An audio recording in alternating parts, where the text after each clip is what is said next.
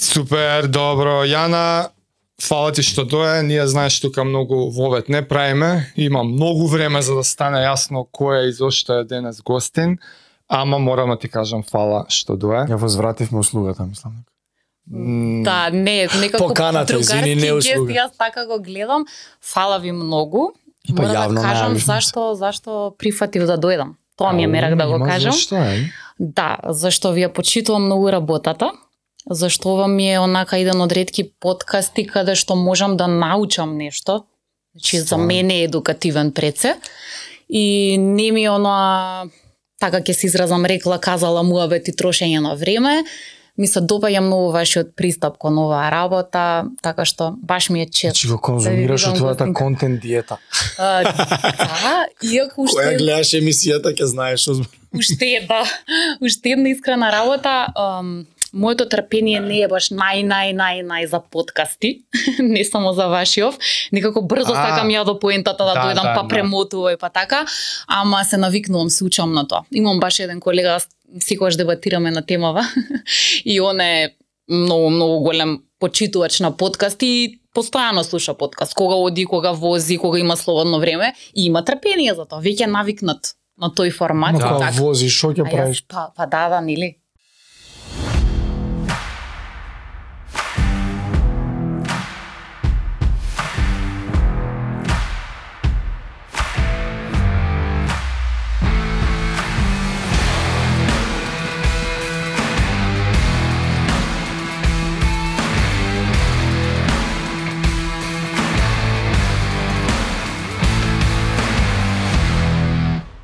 Тоа беше и твоја иначе стварно има тренинг малце. Има Да. тренинг у научување да седиш така Па да тоа е, слушаш види, моја сата. навика, затоа што спротивно на вашево, мој редовно предизвик е во помалку време да кажам повеќе. Да, да. И Да. тоа важи и во информативни изданија, односно вести од спорт, таму особено, а во емисија исто така. Таму сме лимитирани на некои 30 на 40 минути и предизвикот ми е тие минути да ги искористам максимално, а не се воопшто многу. Нели кога бевте се уверивте. Не Ја бе, имав уште 40 милион прашања за вас. Јас сум гостувал у телевизии, не знам Томе, ама оние утринските, тоа е 5 до 10 минути. Таму уште Шо- пократко, да. Што попрво да кажеш таму? Да. Твоја е коректна за телевизија 40 минути не е воопште јас малку. сум апсолутно задоволна, но сепак е многу поразлично, знаеш. време мислам дека Самиот фул момент дека реклами постои лимит, за разлика од Да, овој ваш да, дел да, каде да. можете тука и да прекорачиме два дела Да, ќе ја поделиме страшно 4 и сата до тепа. Ма не делиме бе, 4 Да, сата од сега не ги епизода идеме фул. Ама и сега е малце парадоксално, нели со модерно време TikTok ера, а ваков тип на емисии Мм. фаќаат само саат и пол, Да, два, три. вниманието на луѓето. Long form конверзација. Си има истражувања, мислам дека најчесто во Америка со тоа се бават дека се подолу оди границата на Ама оди 3 до 5 секунди, ама па Джо Роган 3 сата, има па му ги слушаат Точно. сами он вика. Вчера да кажам? бев у кола 11 сата, back to back 4 епизоди. Кај ќе бегаш уко? Што Роган, што Хюберман, што Хюберман кај твоја Друг. Браво. Значи твојата кондиција на темава е, е, е, А, не, нас не ова, ние сме пореметени више, јас со години само тоа конзумирам. Сега книга од 8 сата за 2 дена изслушав, 8 Да. и 40. Што сакав ја да кажам, ја не се осеќам дека возвраќаме некоја услуга, секако дека сум многу благодарен. Поканата да што јавно ја покани, Да. немаше бегање Да, на да, да, крајот. Да, ама во да. тој момент а, добро, да, имаше јавна покана, окей, ама сепак реално и искрено ти си многу тесно поврзана со спорт. А ние живот даваме за спорт и некако е многу нормално дека кога тогаш ти ќе доеше на подкастот. Доеше редот да Така, да, така вика логиката, да, добро. А, ја одма би почнал зошто спортска емисија, зошто спортско новинарство. Леле, А тоа ти почни си од колку рано си сакаш Не, да верувам сега ќе почнам негде можеби потоа ќе треба да се вратам малку наназад. А, Тоа е единствено и од проста причина што го сакав и природно природно почувствував дека тие теми ми се најинтересни и најголема сатисфакција ми е кога подготвувам теми поврзани со спорт. Прво мојата подготовка и пристап, а потоа и сите тие луѓе од другата страна, спортистите или останати профили на луѓе кои се поврзани на некој начин со спорт, спортски начин на живот. Мојата мојот прв ангажман во телевизија беше во редакција за култура во 2016 година.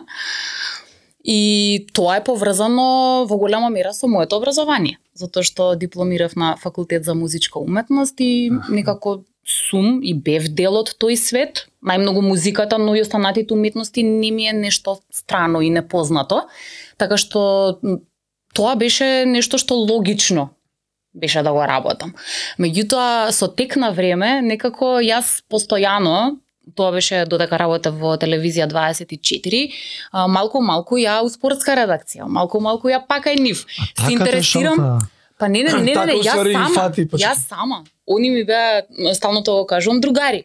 Ќе влезам во телевизија, нели си брка моја работа, ама пак ќе отидам кај нив и шо има денес, да, интересно, надпревари, може ли ја да дојдам, некој интересна вест кога има си дебатираме на темата.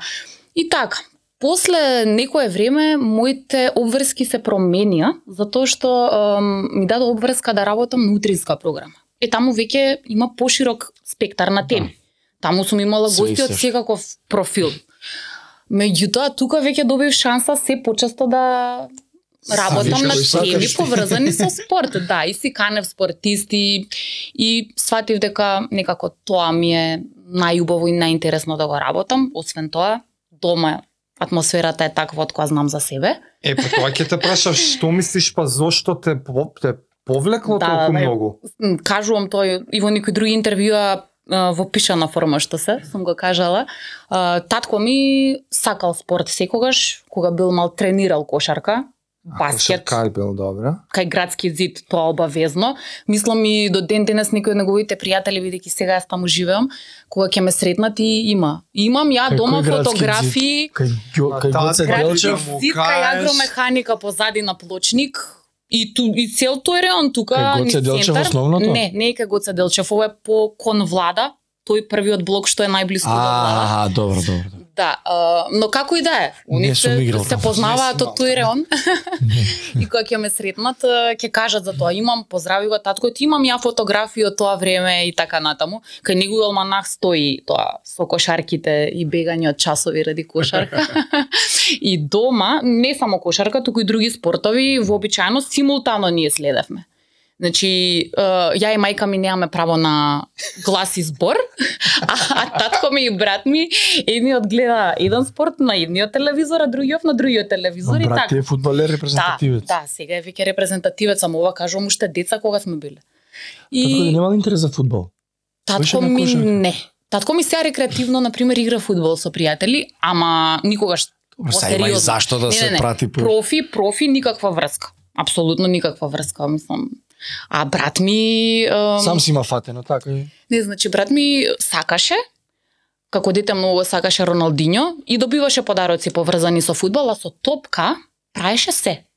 Значи, топ, кога спие топката е до него, кога ќе стане, Нормално. со топката ја шутира и оди да ми ја заби. И после топката ја шутира и си се облекува. И со топка иде низ дома и ја така, ја Браво. полудував на моменти, зашто ностоп слушам она лупање топка. Помал е 7 години. Помал, брат. 7 години е помал. И така, дома секогаш спорт била тема, татко ми секогаш кога можел не носел на спортски надпревари, сме оделе. Кога беше она златна ера на Вардар на ракометарите, моите има членска карта. И Како пазете, сезон тикет? да, сезон тикет. Да, ја не сум имала, они Ја има. имав за металург. Да, да, Ај, ама слушај, тогаш цело бидејќи ние раставме, јас растев во Ново Лисиче. Тој реон Ново Лисиче, Па аеродром, Столе тоа Стоилов беше тука. живееше во, во, во тој дух сите деца облечени во тие бои родители, мислам, не знам, идеш на пазар и ги гледаш луѓе во си пазарат со дресот Вардар. Така беше. Мислам, Дромска работа. чиста, чиста вистина. Тренерски. И моиве тоа велам, си има сезонски билет и многу често кога нешто договараме за викенд нели са надпреварите. Uh, они се организира, значи целиот распоред да видиме чеке Вардар сабота игра или недела, е па така. Вау. Значи, според тоа се прави распоред. фанови. Да, да, да. Да. Така беше. Сега мислам дека немаат ниту они каде толку интензивно во живо во Скопје да гледаат спорт, али кога можат патуваат го гледаат брат ми кој игра репрезентација, тоа се знае. Што И така. си немала ни многу Фанови. избор. Тоа некако Ма брат игра надвор фехервар. Ти? Да, во тренирање Унгарија. нешто? Јас Тие години? само рекреативно и тоа не во тие години, затоа што а, кога бев мала, основно, па и средно свирав клавир Ау. и некако спорт е и ризик од една страна, а од друга страна мислам дека никогаш не сум имала ни некој посебен талент или афинитет за ја да бидам спортист, сериозно. На училиште нормално, кошарка и така, ама не сум тренирала онаа сериозно. Не ми личи дека дете си у спорт, дека сакаш ти, што не било ова све што кажеш не била твоја иницијатива, а си мора да те пофала едно подобрите спортски новинари кај нас машкиве што овакво тресат зелени. Ам, А ти кога ги водиш, нове се знае точно со име, со интонација, како е, нема грешење имиња, прво и основно. Има, да знаеш дека има, чекај, само кога искрено да кажам. Немало. Не. Сега јас кога порано кога гледам NBA на сителка дава, Амар Стодемор го вика. Од кожа ме вадела, разбираш? Не, чекај, дали се мора да бидам искрена, ветив дека ќе бидам и на вистина, ќе бидам до крај вака се. За грешките ќе зборувам, мора ми даете малце простор за тоа. Морам за грешките да кажам. Сакаш? И ако ви ќе спомна NBA, едно, еден од моите најголеми, па тоа е гаф. Реално е гаф, апсолутно е нешто ненамерно. Се случи токму на тема NBA. И види сега. Доаѓам на работа, подготвувам вести и е, блокот спортски вести трае најчесто 5 до 7 минути. И всушност еден од најголемите предизвици кога тоа почнав да го работам, значи јас да ги селектирам прво и соодветно нели да ги презентирам. Селектирањето на што да дадеш предност во тие 5 до 7 минути дента е сериозна задача. Има денови Ако кога е викенд, да. ако е викенд, секогаш или најчесто, меѓутоа Ако не, нели, да, предност по некоја етика на тоа работење мора да има Домашниот. домашниот спорт. А, а потоа нели се останато и сега мора да се да постои одредена хиерархија на нели големина и значење на надпреварувањата, а потоа секој пат има и нели лична одлука на на новинарот Така кој тоа го прави, меѓутоа да не е пристрасно и окей. И NBA, а, тој некој си конкретен ден, одамна беше можеби помина година ден од тогаш, ја на работа и ги гледам резултатите без да сватам дека гледам резултатот минатата ноги затоа што NBA се игра нели во утрински часови. Океј. А и дента поради X причини не знам зошто можеби беше тоа околу нивниот Thanksgiving немало надпревари. Ја не го забележувам тоа и Да, немаат. немаат надпревари. Ама многу се рано кај нив. И кај нас се преубаво И како јас- фан, зашто ти су нормално време утакмица. Значи го гледам затоа што спиам во тоа време, нели? И гледам што се случувало на резултати, ги гледам поените како се одвивала играта, али јас си гледам за вчера. Тоа разбираш. NBA.com ти си отвориш. И Значи ја отварам многу работи, не само се разбира наши портали, туку и реномирани светски, кога сето тоа го правам и се информирам, али тој ден ги презентирам добро да се- вестите, не не ги презентирам вестите и тоа имаше нешто некоја специфична вест поврзана со Леброн Джеймс. Значи знам дека поголемиот дел од веста беше конкретно за него, дали некој негов учинок или јубилеен настап, како и да Да е. не беше на која го бутна рекордот за all time leading Ќе те излажам се што беше конкретно, но знам дека беше нешто впечатливо поврзано со него и завршуваат вестите и ми звони телефонот. Колега ми Казаковски, јас знам дека нешто гори, мислам, нема шанс. И ми вика, ало, Јана, вика, денес, супер, вчерашни новости. вика NBA тоа што кажа, вика ја вчера им го кажав на гледачите, али окей. Um, важно ми е многу да ова да го кажам бидејќи се смееме, од една страна е смешно, меѓутоа мене таквите ситуации никогаш не ми се смешни. Не се моментот. Не, не, не, не ми се смешни а, после одредени грешки што вака има грешки кои што се апла гаф.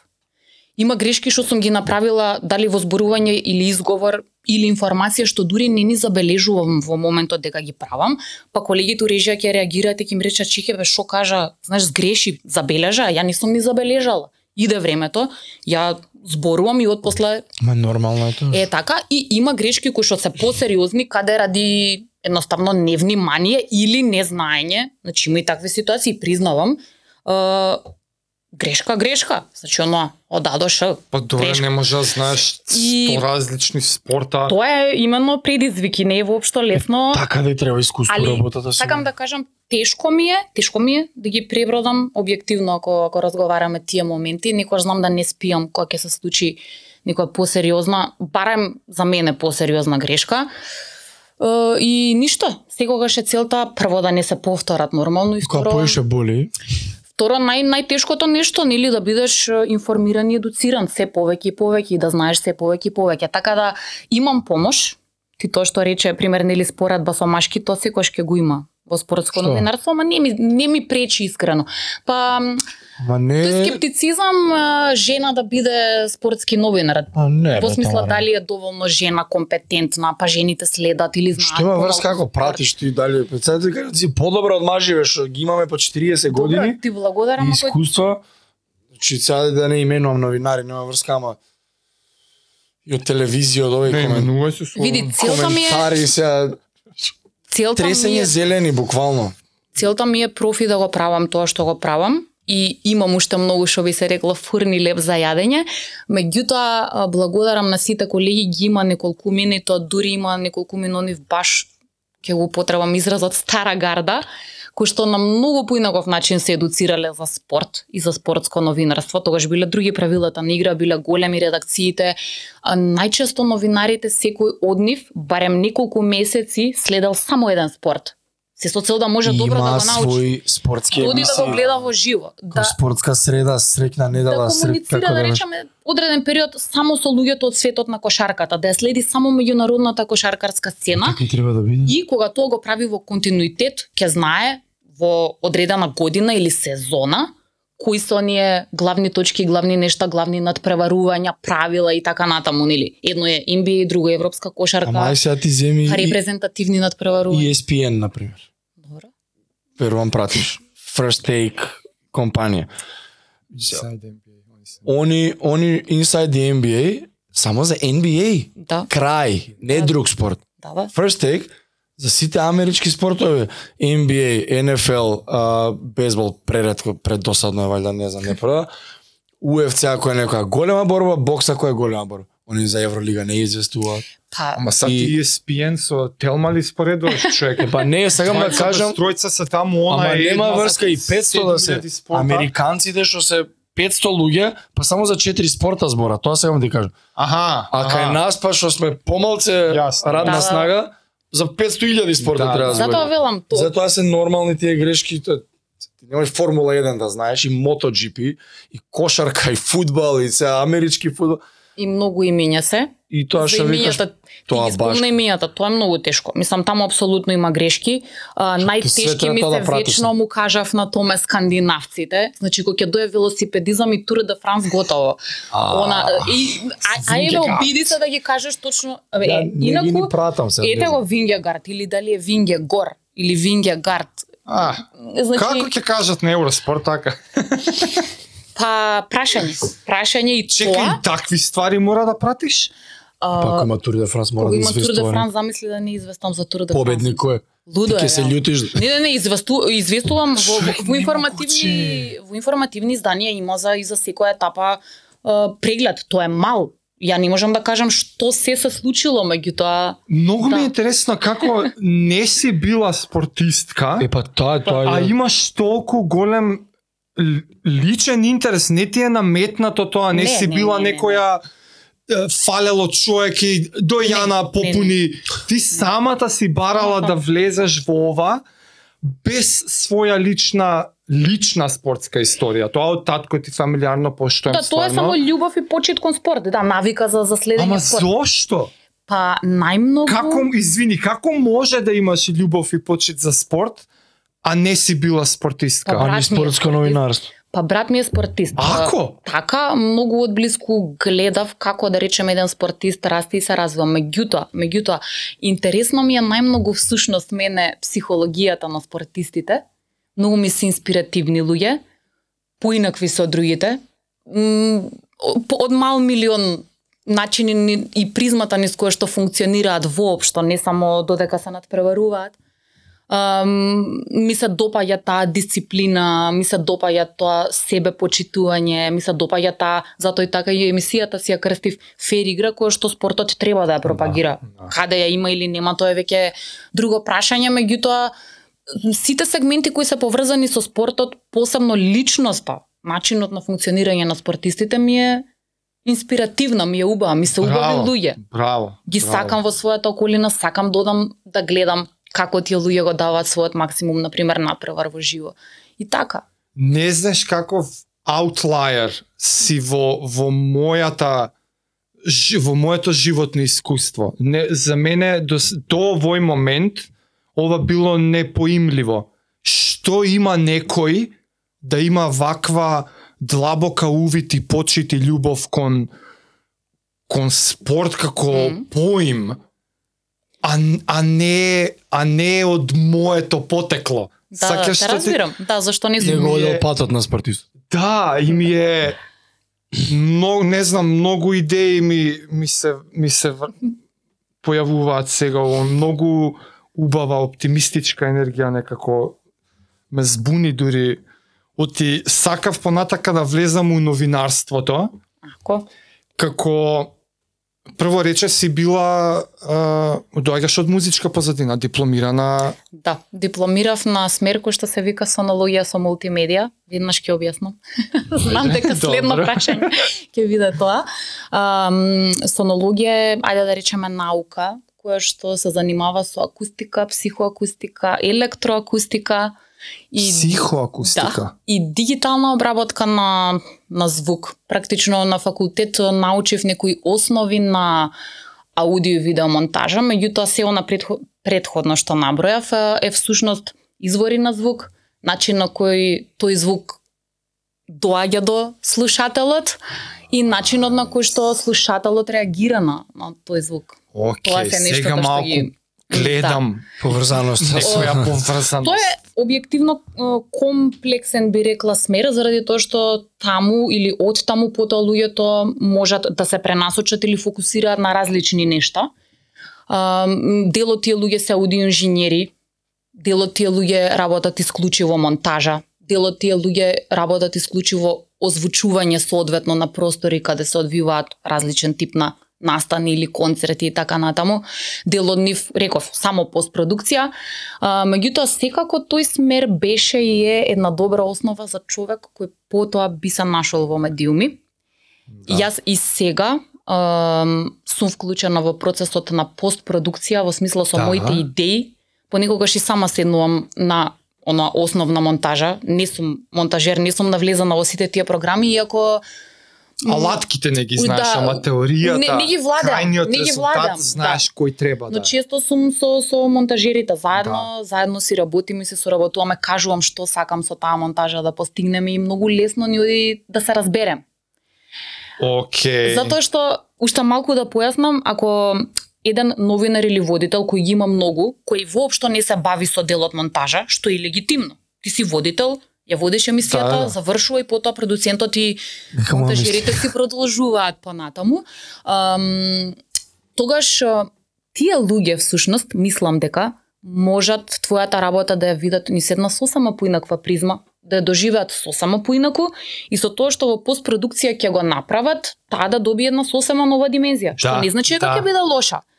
Знам што Меѓутоа во, во мојата ситуација, јас сакам да имам удел и во тој креативен дел од работата, а факултетот тоа ми го возможи. Да, да, да, да. Мо, во, во постпродукција може да се постигне друг тип на тон или нешто што може ќе смени енергијата што ти како водител си сакала да ја Нагласување на нешто, или елиминирање може би на удел во во тој процес како ја контролираш, го контролираш продуктот до М, до крајот. м, Ама новинарство како новинарство е па Да. посебна наука. Да. Како течеше делот на е, стекнување на таа вештина? Да. Тоа се учи на онака те фрлаат буквално у море и снајди се или Ќе кажам. Стварно прв пат на телевизија. Да, да, да. И тоа и тоа е интересна приказна. Едноставно така требало да биде вака кога ќе размислам. А, често пати сум мислела или сум имала желба дека е супер да работам нешто во позадина, додека свирав клавир во нижо и средно музичко не бев во позадина, бев на сцена уште тогаш. И потоа само што дипломирав, спонтано, мислам сплет на околности се случи шансата да за, запознавам вистинска личност која тогаш и потоа ми беше колешка, ми кажа дека имаат потреба во телевизијата од кадри кои наеднаш од X причини тогаш си заминаа од тој медиум, добива некакви подобри понуди, си направија Аха. трансфери и така. И моето образование соодветствуваше со потребата од човек кој ќе следи култура. Меѓутоа, јас А, окей, до тој така момент е не сум работела како да. новинар, нити како водител и тогаш отидов на разговор, на интервју.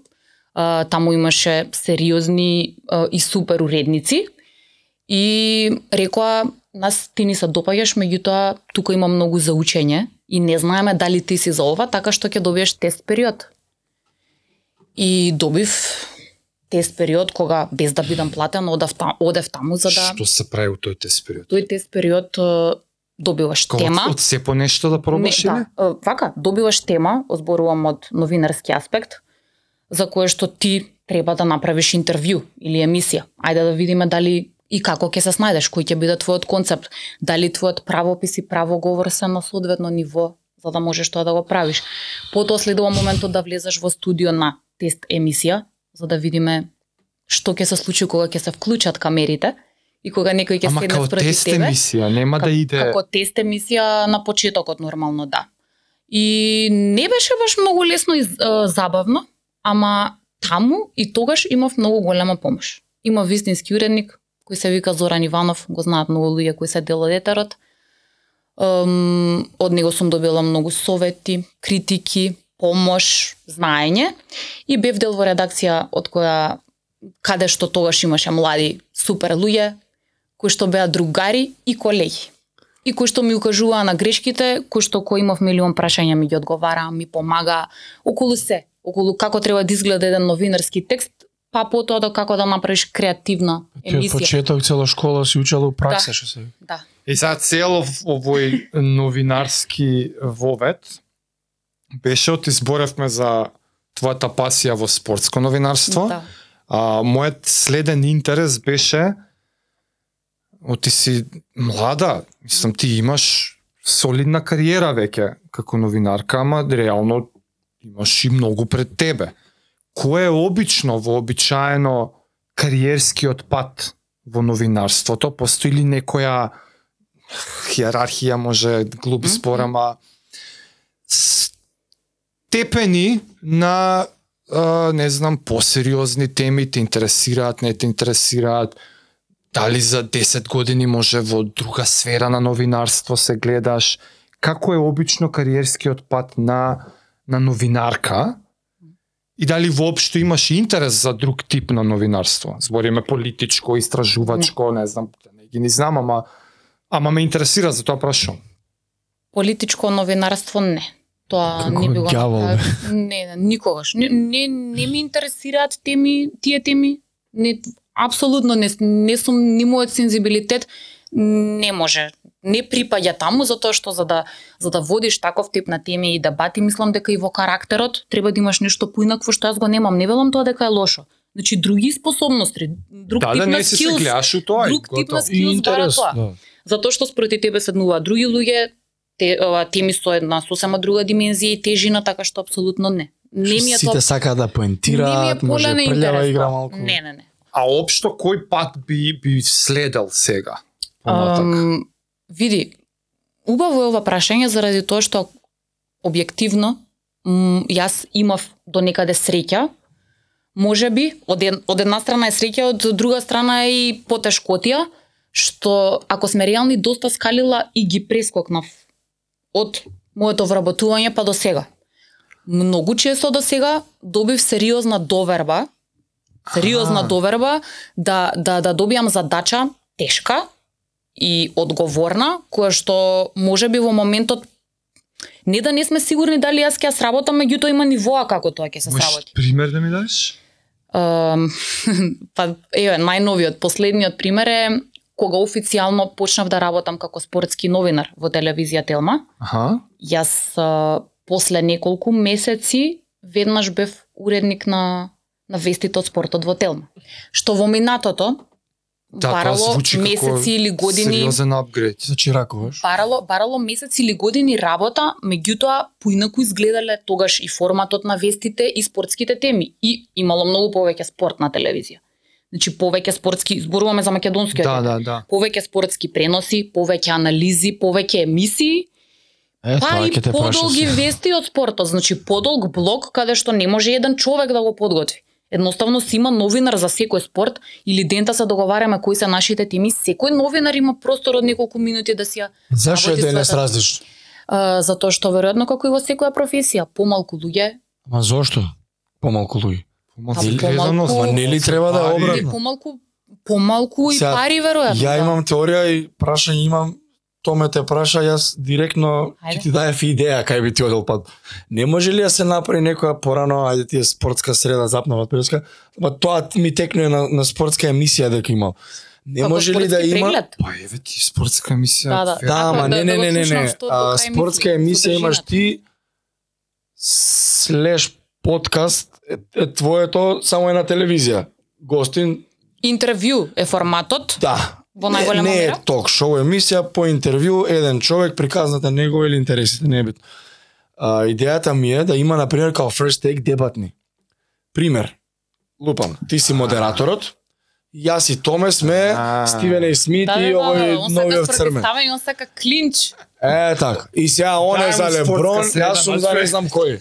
И сега ти си она што ги модерирај полека момци. Ајде, денеска имаме Бостон Селтикс го тепаше Мајами. И сега он почиња Добро, добро. неговиот тейк, и мојот Те тейк. разбрав. Као Не да би било јако Е, тоа. да, е, за, на пример, тоа да го има кај нас. За македонска кошарка, за македонски фудбал, за македонска лига, ракомет. Нели ќе се крене и спортот кај нас малку повеќе што кажаме, нема таа спорт, нема. Нели малце интерес ќе се здобие, ако имаме кај да видиме. Ја стално викаме, нема тоа кај нас. Не. Изгради го и ќе дојдат. Го build it and they will come. Ако нема, нормално дека ќе нема интерес. А ако има, ќе дознаеме дали ќе има. Ама кај ти влага Јана у сликата Не, сега? Она е една, она е следниот степ неизин е да биде А она е модераторот. Она ќе модератор, може не е модератор, може еден од овие што се И објаснуваат пали нас пристрасно некој за пелистер што навините за. Ама не разбираш од ќе ти одговорам. Дали е возможно и зошто го немаме? а, дали е возможно, не сум сигурна дали можам да ти кажам да или не. Ќе ти кажам следново. А, ние во телевизија во последно време организиравме и имавме а, неколку спортски ТВ дебати во рамки на друга емисија, каде што објективно беше проблем Ако бе? да не не слушни ме што е проблемот. Проблемот е спротивставените страни да се охрабрат и јавно да дојдат да зборуваат. Аха, ја мислев проблем бил сукобот. Не, не, проблем е затоа што они многу често, не сите, апсолутно секогаш има исклучоци, меѓутоа кога тоа би се случувало редовно, моето мислење е дека во Македонија нема да можеме континуирано да ги соочиме тие спротивставени страни затоа што се уште некако полесно е тоа на Facebook да се коментира и да се даваат мислења, но не да се седне и објективно и сериозно и и на едно убаво А. ниво со почит кон противникот да се дебатира. Ако размислуваме различно. Тоа е едно друго. Мојот интерес личен некако не бил до сега толку кон клинч. Значи повеќе сакам да да да истражувам околу животот на спортистите, начинот на нивното функционирање слично како вас. Мене не ми е толку голема сатисфакција да ги Задржи си го ферплей. О, баш. О, сака клинч едноставно. Не, не, не, него не, кога има дебата, Ти идеш Знам. ти да пласираш идеја негде. најчесто најчесто проблемски теми јас бара. би бил еден од овие што ќе се...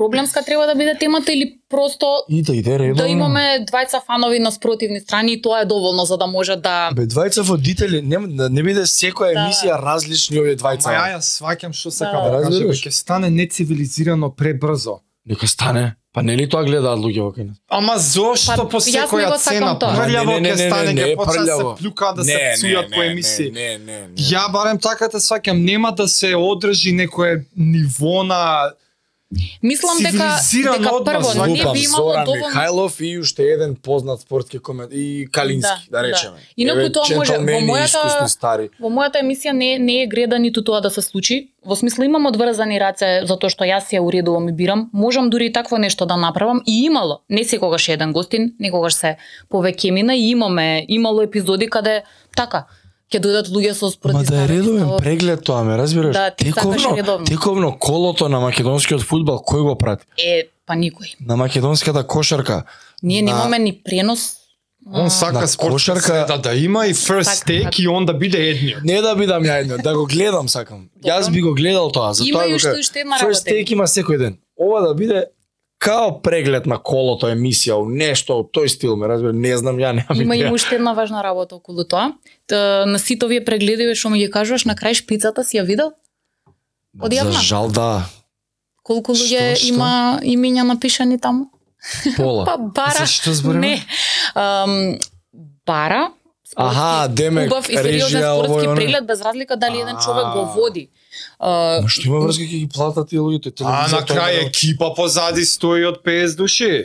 Сега добро да за све треба финанси, е па жаре А, а позади полека човек, полека. Еве пример, позади политички емисии стојат исто толку многу Па да, меѓутоа и во Македонија и не. Кага, Еве, Македонија само не. вистина лупам, канал 5 таа ми текна, нема везе. Топ тема е. Win-win. Нема толку многу голема екипа. Едноставно тие ресурси нашите Тие цивилизирани се кога разговараат. А, нема јас да им Ја давам оценка. Јас не можам да ги Може ја да кажам, ја Не можам да давам оценка за тоа. разговор на телевизија Да. уживо. А е политичка. Нели е жално? Што по политичко толку побетаре? Тие треба да те водат државата. А Да, да. овие за спортскиве тимови нема да дојдат до толку гадни да бидат. Добро, да. Глед, те, раб, Од те разбирам и тебе. Го, го давам као Ти, идеја. ти во тоа гледаш и потик на општа популарност Браво. и интерес, Да. Да. што ќе може би вроди ривалства, што после ќе вродат интерес и нови генерации. И дали и самите спортисти нема да пушти да гледаш, што ќе кажат за мене оваа недела, разбираш? Да. Стивен Ей Смит вика им пишувам јас. Јало, такви ривалства Заеба работа. и ривалства во спортот. Да. Он ќе ќе речне нешто Шекил, Шекил ќе отиде денес на утакмицата, ќе му даде изјава и Да, тој на друго интервју. Го сваќам и него што сега кажа, ама многу разбирам. силно Ова за, Да. за добробит карти на спортот го зборам. Види би било убаво еден ден тоа да се случи, ама уште стојам на Порано на ги имаше. тезата, уште стојам дека треба малку поголеми тимови за таа работа, за подготовката просто да биде подобра. Еднаш неделна емисија. Еднаш неделно сепак бара Иде, идеме информираност. на така полекче. Прво Бара треба информираност. многу пари нек да влезат. Да. Неколку светски прваци, Да. полека се вратат средствата. Малце бе, чек, дај ќе ова. Ја друго си имам интерес тука. Ајде. Ајде. Клучен дел во твојата работа е интервјуирање. За мене тоа е и уметност, и вештина, и наука. Јас себе си се сметам како ни бигинер, Оти ед, интер, интервју е еден вид подкаст, е вид на интервју. Ама во тебе гледам некој што е професионалец во тоа. И ме интересира онака како Не, ајде да почнеме. Како се спремаш, на пример? Како размислуваш на таа тема? Доколку длабоко се се се обседнуваш на тема интервју како и вештина и уметност и наука? Па многу. Тоа ми е, тоа ми е, како да кажам, секојдневие, дури еве маш ми е сведок дека некои теми кога и кога имаме слободно време и кога нешто ќе видам, ќе прочитам, ќе слушнам, кога нешто ќе се случи пред мои очи, јас се, се инспирирам и почнувам на некој начин си се обседнувам со тоа зашто ја у мојата глава сега си се развиваат сценаријата. Што Е, друго да доиспитам, што друго да доистражам. А, чекај, па тој човек добро жаре кажа, комбинациите на гости многу често се важна работа. Кога истовремено се неколкумина во студио, па треба заеднички да дебатираат за нешто или да зборуваат како и да е. И така да некако мозоков Е, сега- ми Сега ја го почнав ова баш заради тоа, да пробам да ти го прочепкам мозокот. И сакам да научам Дај, некои финтици. Ајде. Оти спомна интересен момент. Ке ти влезе нешто, ке ти инспирира и, и почнува мозокот да работи. Ш, в- почнуваш да визуализираш разговори хипотетички со лица или има некоја тема и сега само те влече да копаш информации, информации за темата и како како го правиш тоа како процес во во главата. Да, почесто тема или или конкретна личност, да речеме конкретен спортист или нешто што направил, дали е некаков успех, а тоа е последица на нешто друго што поназад било. Значи тема. И ништо, најчесто ми не знам како ми ми навираат одма милион прашања. Кај мене по по Значи во себе го прашуваш човекот така и ти одговара? не на се. Па не на се, реално. За некои прашања сум подготвена дека потешко ќе добијам, а никогаш и нема да добијам одговор. А имало интервјуа, има неколку интервјуа на кои што на ниту едно прашање не сум добила одговор од гостинот. Шо ти? Па така ја прашувам едно, гостинот се А он зборува врти друго. кој киша кој Крагуевци. Не, си зборува, значи не ми го одговара прашањето, ме разбира. Па така некако. Добро се случува. Се слу... мислам, ја не не сум лута Тоа на тие колку ме луѓе. нервира кога гледам така. Леле. Може, може би во некои ситуации моја била вината, не сум го натерала, а може едноставно не сака. Дошол настроен дека не нема намера да Леле колку многу теми Ама ми не знам. начнуваш. нели, може да биде и така и така. Да, и се Хај сега ќе рипнеме у тој случај. Ај, Ти си имала одредено очекување. да. Очекувања. Значи, окей, сега ова, ова е сценариото. Знаеш кој е гостинот и сега се спремаш за него. Визуализираш интервју во глава со него. Имам имам поенти. Да Имаш речам, поенти, се баш така. Да, да, Исто ја кажам, немам Да. конкретни прашања, така. како поенти се и ќе видам у моментот дали ќе биде изјава, дали ќе биде прашање, како ќе формулира, окей, тоа Мгм. И го имаш во глава, ама не можеш да бегаш од фактот дека креираш очекувања во главата. Да.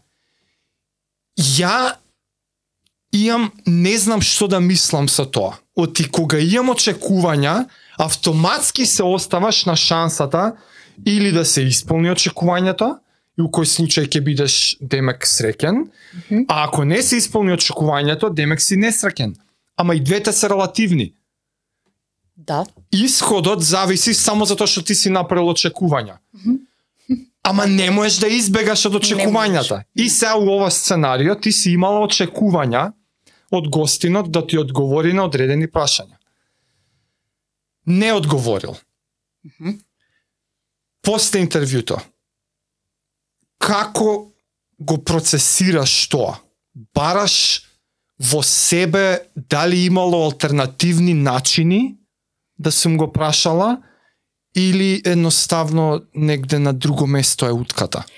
Тоа зависи од гостин до гостин. Прво за разочарувањата, ќе ти го одговорам ова. Јас сум имала разочарувања од гости уште пред да почне интервјуто. Искрено. У која Значи, смисла? Па се добро ги ги памтам тие што што што ме разочарале затоа што премногу сум очекувала од појавата, од однесувањето, од од ставот, од енергијата на некој човек. А, Кога си се среќавате на, пред да не, почне? не, не, да, има има сум имала гости што не сум ги познавала лично пред да дојдат и да ми бидат гости. Не ми не ми биле Така? познаници, не сум ги сретнала некаде или не, па ќе речам не се секогаш и само спортисти во минатото биле и од други Јасно. профили, професии и сега е, имало особено ако се јавни личности, личност која што сите ја знаат, популарна и така, гледаш некои успеси, гледаш некои остварувања и имаш и имам високо мислење. И очекувам да кога таа личност ќе се појави со со повторувам со ставот, со начинот на однесување, говор, култура, воспитание, ја да да паднам у несвес. Значи трема имам. Стварно е така, објективно е така, имам трема. И? Зашто ќе дојде некој тој тој, не, сега не сум го интервју, интервјуирала Меси, ама неважно, сум имала А, македонски ги да респектирам, на вистина го кажам, ги респектирам сите гости, меѓутоа нели за некој имам посебен мерак да дојде, И за некој било да многу како- тешко да пронедат и, и место и време и начин да дојдат, па го чекаш тоа со месеци и така натаму и сега го чекаш, го чекаш моментот и доаѓа и не е тоа тоа. Никогаш сум се соочила и со, и со основна некултура Да би се Со- очекувала повеќе. и со надменост, и со некое и со некое однесување кое не ми соодветствува на она што можеби јас сум го идеализирала, ама и не е само идеализирање. Туку има и црно на бело факти и успеси и действија кои што тој човек го карактеризираат како голем и успешен. И тоа не може да го избришеме, не ни сакаме да го избришеме. Да, да, да. Нели? Ам, Така ти да па треба да продолжиш да правиш Добро, интервју со тој човек. продолжиш да правиш интервју, ти убаво рече разочарувањето си е во твојата глава. Може да е некој друг тука ќе падне у несвес од истата таа појава, нели? А, а што се однесува до прашањата, некогаш многу често инаку ги гледам своите си ја гледам својата работа, иако е тешко. Мислиш од Само да си се слушаш и гледаш. А, да, да, да. Да. Како се однесуваш, како зборуваш и се мора. Според мене за за да имаш напредок мора. И за да знаеш и за да почувствуваш каде не работиш како што треба. Каде станува Апсолутно. досадно, Да, да, да. каде едноставно ти таму и тогаш не си се сетил дека сега е време нешто да прашаш. Тајминг. Ема многу е полесно интервјуто.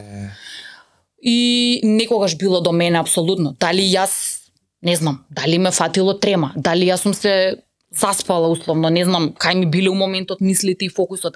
Дали не го слушам доволно добро тој што е спроти мене. Има секакви ситуации.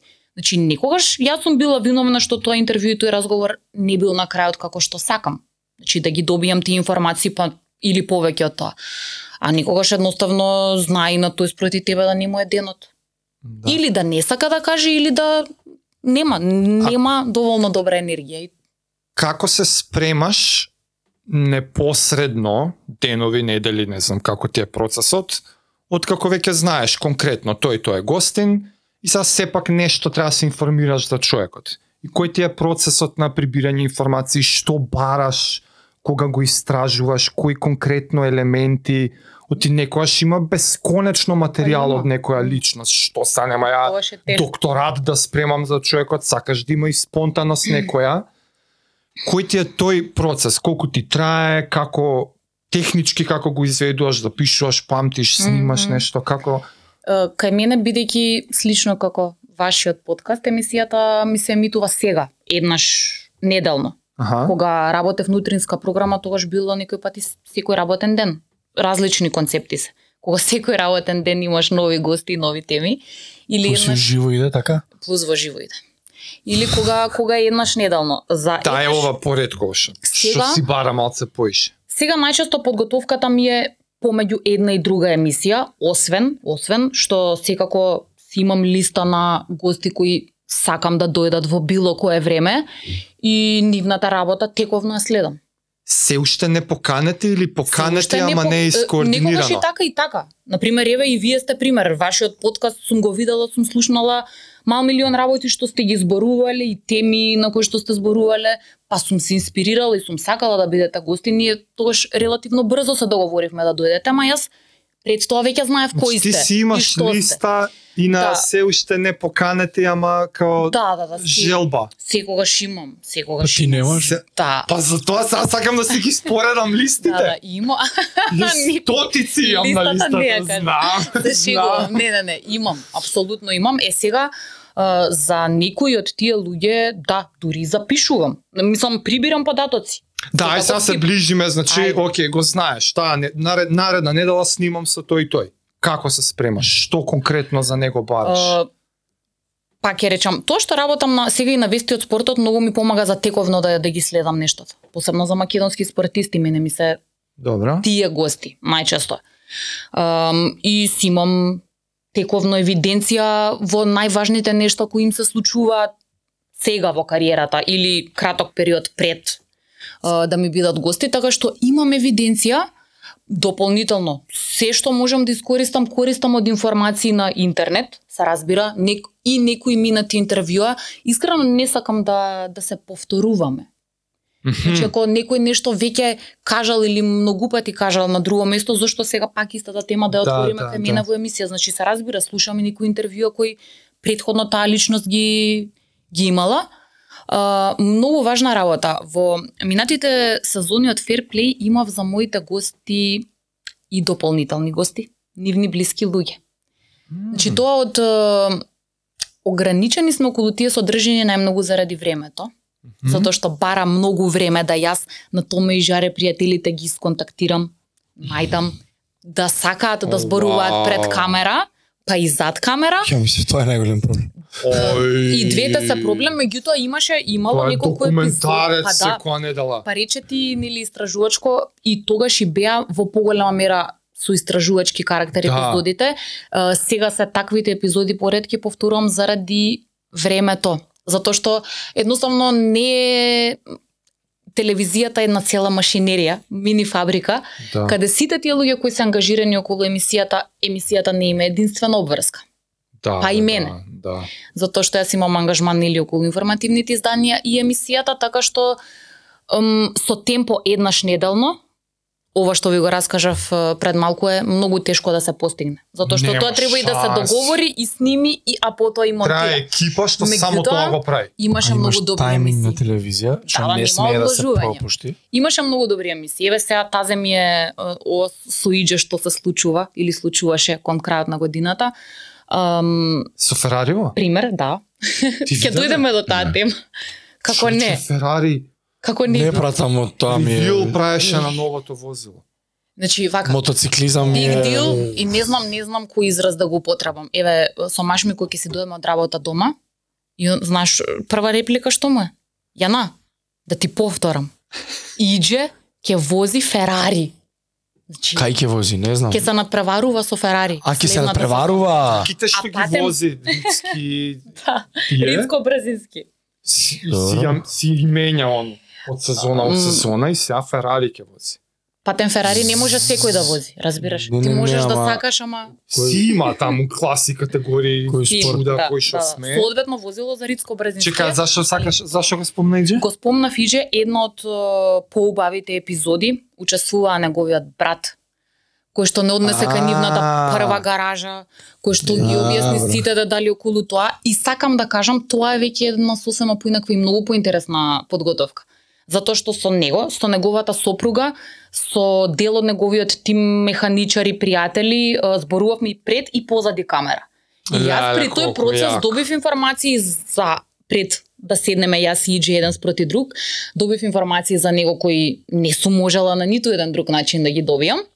И така можев да концепирам Интервјуто после мет и млеко. Да. А плюс што дел од нештата и тие ги кажа во етер, така што ам, тој концепт јас го сакам и тој тоа е концептот во мојата глава што го сакам, меѓутоа не секогаш може да Тоа е биде перфектното сценарио. Тоа- Да, да, да. И ја да. така си Ето сакам. ето. Така да познаници на моите гости, на луѓето кои ги интервјурам, па дури и дел од моите новинари колеги кои во минатото ми е следеле кариерата, знам да им се јавам, искрено. Имаме многу новинари македонски кои Да? На пример, еве пример ќе дам конкретен, Шабан Трестена. Гостинка е мене во емисија. А, Снимале колеги кои оделе во живо да ги коментираат неговите настапи Да, во Лос да. Анџелес на Олимпијада, па на светски, на европски првенства. Тие- Тие луѓе се енциклопедија. На Како новинарот се? мислиш, така? Така е. Тие И му го, се јаваш на него. Шабан уште кога Го се прател, да. па кога патувал. И му се јаваш на него Да, да, да. да си го распрашаш за И за него го Шабан. подсеќаш малце. И сум имал и емисија, еве со, со Зоран Михајлов имав ми емисија кај што он евоцираше спомени од неговите лични искуства на Олимпијади. И мислам, Тој не да е енциклопедија. а фасцинантен е моментот дека сите сите го датуми и информации он ги знае на памет. Да. Значи го нема моментот чека ја да видам да отворам како беше, е не. При Google е чуе. Не, не. Зер. Да. Друга друга димензија на луѓе, али ги почитувам многу. Реков, на вистина со, со, со голем дел од, од нашите новинари во спортот веќе и се запознавме и имаат многу многу пријателски однос. помагаат на. Да, да, многу пријателски однос. А и на, на, на моите колеги од редакција, Како збориш, пола Ало. прашањата ми ги штиклираш, така. Да. Ало, Бранко, извини. Ја имам глупо прашање он се смее. Али ја морам да, да го прашам нешто што не знам. Нормално. А, Паневски Игор, тој е повозрасен, а, највозрасен е во редакција, еднаш, еве уште еден пример. А, го прашував за нешто беше за фудбал, надпреварувањата во конференциска лига, лига Европа и така натаму, како вкрстуваат, кои се елиминираат, кои продолжуваат натаму сите правила. И он ми збори и ја го гледам бледо. Има многу тимови, значи додека да дојдеме ние до потесен круг, и му викам, пане, вака ќе направиме. Ќе земе еден бел лист, поголем, А4 формат и ти, како на најглуп човек што си го видел у животот, ова ќе ми го објасниш. Нацрташ И го. него, да, нацрташ на никој начин и не му беше тешко. Мислам никогаш не им било тешко. Не рекле не и немало да не ми одговора да не кредам на телефон кога сум на смена или не се овде, а имам прашање. И да, земам и објасни ми. Просто морам да го знам тоа. А А оние сфери на знаеш она како не знам дали ова директен квот the art of conversation. Значи сега ова бе беше малку по-технички Да. објаснување и фала ти многу. Имаше неколку моменти што Да, може ќе ти помогне. остана, да, да, дефинитивно. Ама тие по неопипливите моменти на уметноста на разговорот. Значи, што вистински значи да слушаш некој кој збори. Што и каква улога игра да пробаш да емпатизираш со соговорникот. Uh, јас, на пример, пробувам, читам и такви ствари. Прва затоа што сметам дека може малце неблагодарно да се каже, како да веќе имам некое такво родено чувство, да емпатизирам со соговорник, ама ми треба можеби техничка спрема за убаво тоа да го изведам пред камери во сцен, некако полусценирано знаеш околности. Ама ме интересира ти што мислиш за тоа, за тие по-неопипливи моменти на на уметноста на разговорот и кој ти е ставот кон тоа? А, Баш слушав интервју сега скоро на темава, каде што новинарка, водителка кажа, го кажа ова што ти го спомена, може би најважниот дел за успешно интервју кај водителот е да го слуша, да успее максимално добро да си го слуша својот соговорник. Што кажува? за да може соодветно тоа да, да, да го развие. Не можам да кажам дека толку многу сум продлабочена да да толку детално навлегувам, повеќе мислам дека е исто некое мое чувство кое што го имам, природно го правам тоа. Не, не сум го правила никогаш со, со некој таков план или дека она што го зборевме, ја имам поенти, ама дека мора по секоја цена сите тие прашања да ги поставам зашто јас сум наумила и не ми интересира, А. ќе го прекинувам соговорникот, ама ја тоа морам да прашам. Не. Um, некој пат се случувало две една или две од поентите да јас ги поставам како прашања, но одговорите на соговорникот да не однесат Да, на сосема друго ниво. Тој тајминг сигурно се вежба за, за да биде подобар со тек на време, затоа на ти го реков. Тоа го работам на начин што се гледам и себе, ама гледам и други, кои мене ми се позитивни примери. Има и во, во македонски етер такви некои луѓе, мо смеам да спомнам една стара емисија која што многу ми недостасува во етерот. Се вика Пулс, се викаше Пулс и ја водеше Ана Јовковска. Од кај е памтам пулс? Е, Па На која телевизија? на Алфа се емитуваше и имаше, да речеме, еден филозофски карактер, каде што гостуваа луѓе од сите професии, меѓутоа Ана ги поставуваше поентите низ некои филозофски реплики, дела, кажувања, констатации, факти и така натаму, меѓутоа ем, апсолутно она го диктираше таму темпото многу успешно како соговорниците ќе зборуваат, а, а ми беше многу интересно како за една иста работа многу често сите зборуваат диаметрално спротивно. Значи како ја доживуваат и така. Сакам да кажам, гледам некои такви примери и ги слушам како тоа го прават. Не мислам дека може да се дефинира. Пример, се Не дадов може, конкретен да, пример Ана знам. Јовковска како она тоа го прави. Па прво многу знае, второ многу чита, трето има таква некоја енергија и харизма која мене ми се допаѓа, значи на моите критериуми и визуелно и секако. Комплетно како се однесува према соговорникот, ама не можам тоа да го дефинирам. Значи како да дефинираме емотивно добар разговор или тајминг во разговор, мислам. Тоа- Нема, тоа е енергија. Затоа ти реков и колку зависи од другите. Еве вака. Еден од моите омилени ангажмани како новинар и водител беше The Festival. Значи работев на го покривавме со телевизија тој фестивал и одев на две изданија и таму интервјуирав сериозно популарни ликови кои имавме среќа да доаѓаат тука. Од типот Пол Ван Дайк, Офенбах, Аха. Махмут Орхан, не знам, и од регионов многу луѓе, и наши, Дуке Бојаджиев, Кирил Джаговски и така натаму. Таму ми беше на едно место и во слично или исто време видливо како различен сензибилитет на луѓе и луѓе со различно ниво на популарност се толку многу различни, а јас ги поставувам сличните прашања. прашања. И се наоѓаме на исто место и во една иста атмосфера, као темата е забава и позитивен дух. Меѓутоа, да речеме балканците, македонците, ајде окей, зборуваме на ист јазик, пред се, меѓутоа ќе дадат подолку одговор, дома се, значи чувствуваат дека се дел од настан кој што нивната земја ја афирмира, настапуваат пред своја публика и имаат една сосема поинаква настроеност. Ги интервјуирам Офенбах и добивам три збора за одговор. Не заради било прво ради нивниот сензибилитет. Значи, они си се северњаци и крај готово, чао со здравје. Нивниот Да. начин на разговарање. Може би Они се 500 чувствуваат дека мене ми го одго- одговорија Да. прашањето. Па плюс, па плюс. Више Што на секој овде фестивал од ги добива и- слични, са тоа не е интервју, тоа се изјави. Да, Повеќе да. изјави, меѓутоа да, сличните тие И изјави се ги знаеш дава. како на лента. И затоа, а ја истата. А плюс жива среќна, мислам, многу ми беше убава таа обврска, со ентузијазам ја работев. Така што како ја таму да го диктирам темпото е вајде? Или како да како ја да да ги натерам тие луѓе, затоа велам. Атмосферата Ама е таа. дали ја- дали и треба, зошто да го диктираш? Добро, на крајот од денот. Остај Меѓутоа- се на на флоуто, какво е, такво е. Тешко да се дефинира. И еве уште еден пример ќе ти дадам, Огнен Јанески ќе го спомнам. Пријател ми е и бевме колеги во TV24.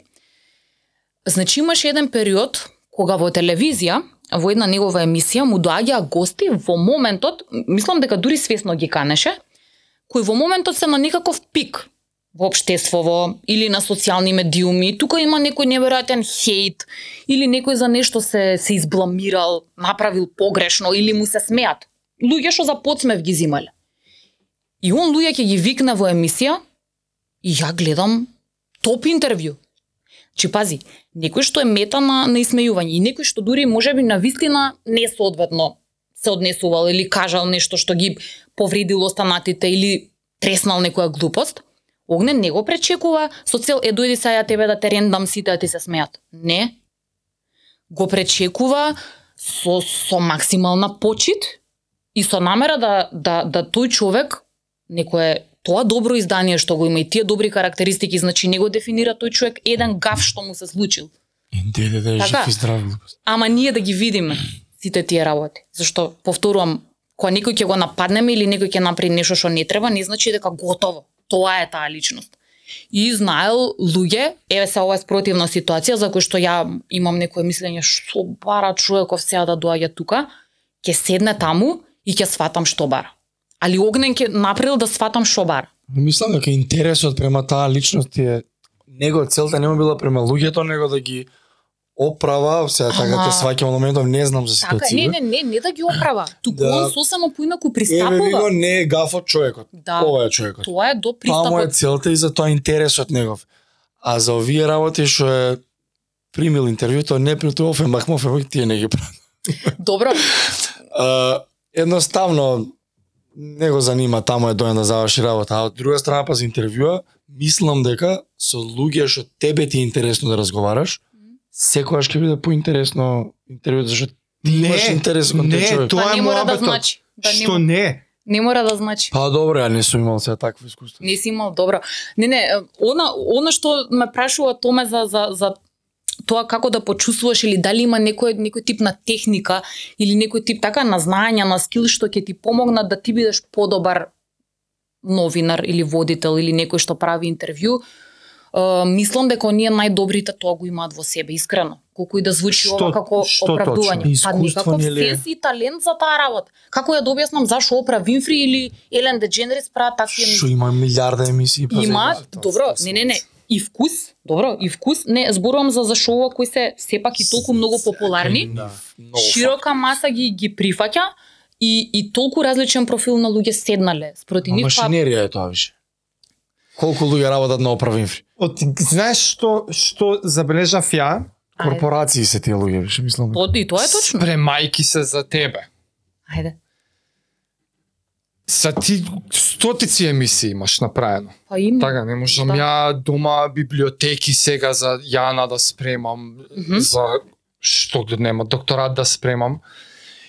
Така што не можам е, да да пробувам тоа да акумулирам како информација. И некако, окей, сега си кажала, си кажала, си кажала, милион работи си кажала, нешто ќе повториш, јеби га. Ама пробувам, на пример, да Мислам, сега тебе како пример те давам, ова го правам за скоро сите гости. пробувам да го најдам некаде кај што веќе има зборено и са нормално за тебе тоа прелесно имаш. Те има на стотици видеа како имаш зборено.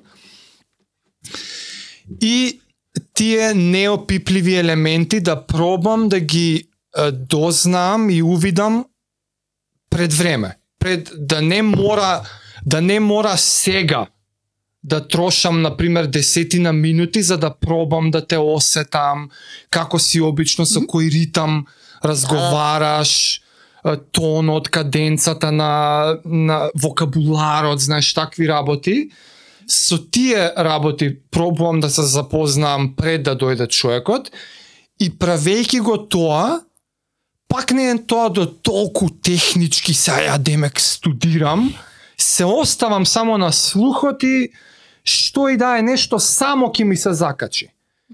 И само ќе ми се закачи, види, Јана е препрофесионална, исто професионална, секогаш. И ме подсети на овој Огнен ли како го Да. кажа, Да. без разлика од гостинот. Да. Без разлика дали тебе лично те интересира баш Да. тој спорт или баш таа дисциплина, ти истото ниво на возбуда и интерес ќе му го дадеш на гостинот. И ме подсети на Сенат. Сенат? Која рече, никој не го заслужува твоето лошо. Еден тренер ни беше на подкаст тук. И он, он На го кажа тренер. тоа. На Гого Гого тренер? тренерот. Не бокс него фитнес. И он како тренер го кажа тоа, никој не го заслужува твоето лошо. И сега гледајќи те тебе, мене таа мисла ми дое, ти на секој му го даваш твоето најдобро. Прашањето ми е колку ти е тоа со умисла, колку се тоа должи на едноставно почит кон професијата? И дали сметаш дека тоа ти помага секогаш да искочи убаво интервју, ама некогаш и ти пречи да уловиш моменти што може би да не си била баш сега со толку не знам, ист, истата енергија, ки, си ги промашила заради тоа. Сакаш кои Да. нијанси пробувам да ги осетам? М, Прво за подготовката, точно е тоа. Знаеш зашто е точно? Ја искрено кажувам, јас уж, уживам. Може би најмногу во не можам да одлучам дали најмногу зависи од форматот на емисијата, но најмногу уживам во подготовката. Значи тоа ми е најинтересно. Кога некој треба да седне спроти мене и јас да да да дознавам што повеќе, да да се подготвам. То, тој процес, во тој процес најмногу уживам. Многу повеќе од што уживам да се облекувам и шминкам и ова за да за да седнам да водам емисија искрено. Добро. Нормално, важно ми е како изгледам, да тоа биде убаво, културно, фино, ама не ми е тоа најважниот дел. Искрено.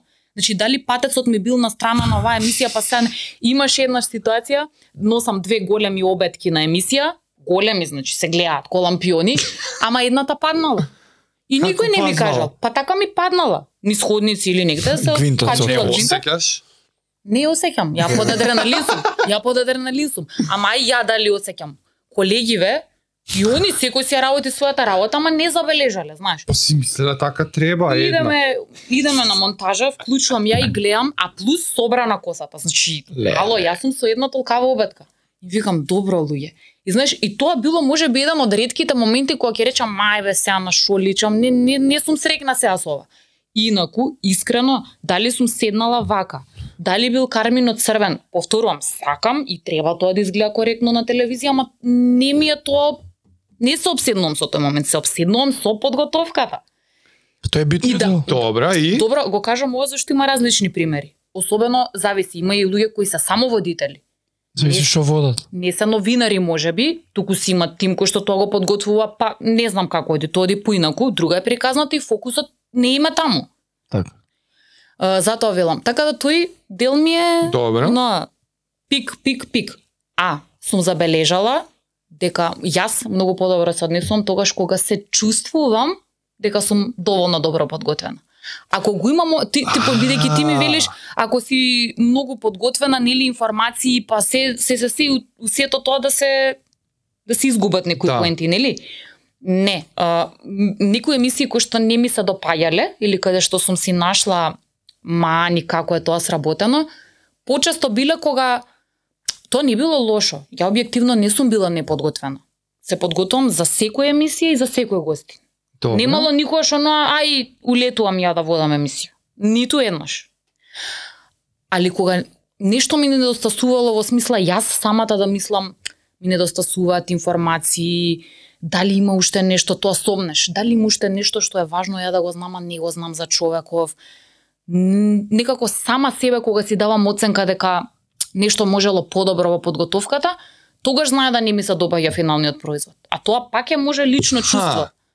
Као, као некоја моја неудобност дека можда може би требаше подобро ова да се подготви. Да. Не, Од другата страна момент е, не да. изгледа така. Што поспремна си се осеќаш самата, Тогаш подобро се однесувам едноставно. да, Ради мојата самодоверба или мир дека се ти е спремно, да. Па нели е за се така? а не може никогаш да биде се спремно, он добро кажа, многу добри поенти кажа, не може секогаш се да биде спремно. А некогаш си подготвен со XXX теми, информации, па ништо од тоа На крај нема да не излезе. Па не, не, ништо од тоа, доаѓаат некои поинтересни работи, кои во моментот Да. проценувам дека ми се поинтересни. Да. А сум мислела дека и ова ќе биде тоа, ова мора да биде тема на разговор. О, ти знаеш зашто? Ја, на пример, са чуден збор е, визуализирам интервју. Јас па не. Ама тоа не.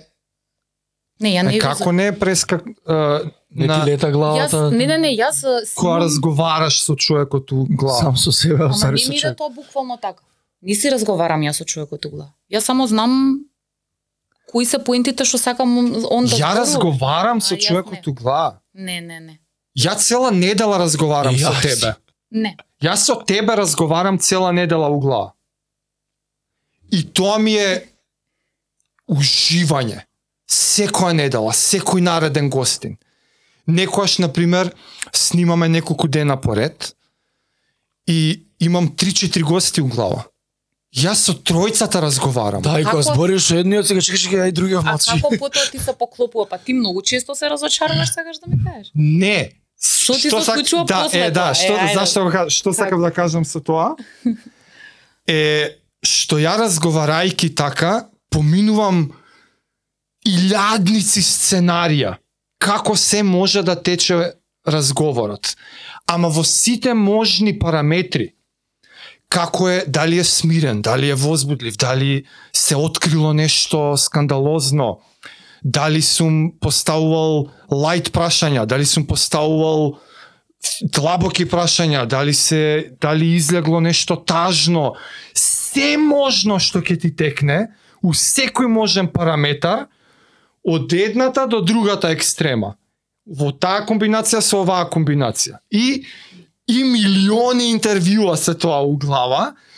И моабетот ми е дали ако го правам тоа, промашувам моменти кога уствари се случува стварно интервјуто. Јас такво чувство немам. Добро, ова е, ова е сосема различна перцепција. Јас такво чувство немам. Не знам. За од мене тоа ми е спремањето. Имав неколку, не знам, а, лани е, е, едно од највозбудливите што сум бил во велосипедскиот свет, во, во комбинираниот велосипедски јутјуберски свет, постојат неколку лика што се водечки моментално, глобално. Vegan Cyclist се вика едниот, Дилан Джонсон е вториот и Питер Стетина е третиот. Тоа се професионални велосипедисти, но и јутјубери со огромен фенбейс. И ја по некоја универзумска случајност ги интервјурав тројцата. Ги пишав на Инстаграм, А нешто имам тоа, овие сам, си да. прифатија, јас си правев на На англиски, англиски да имам видено. епизода со луѓе што ги пратам со години.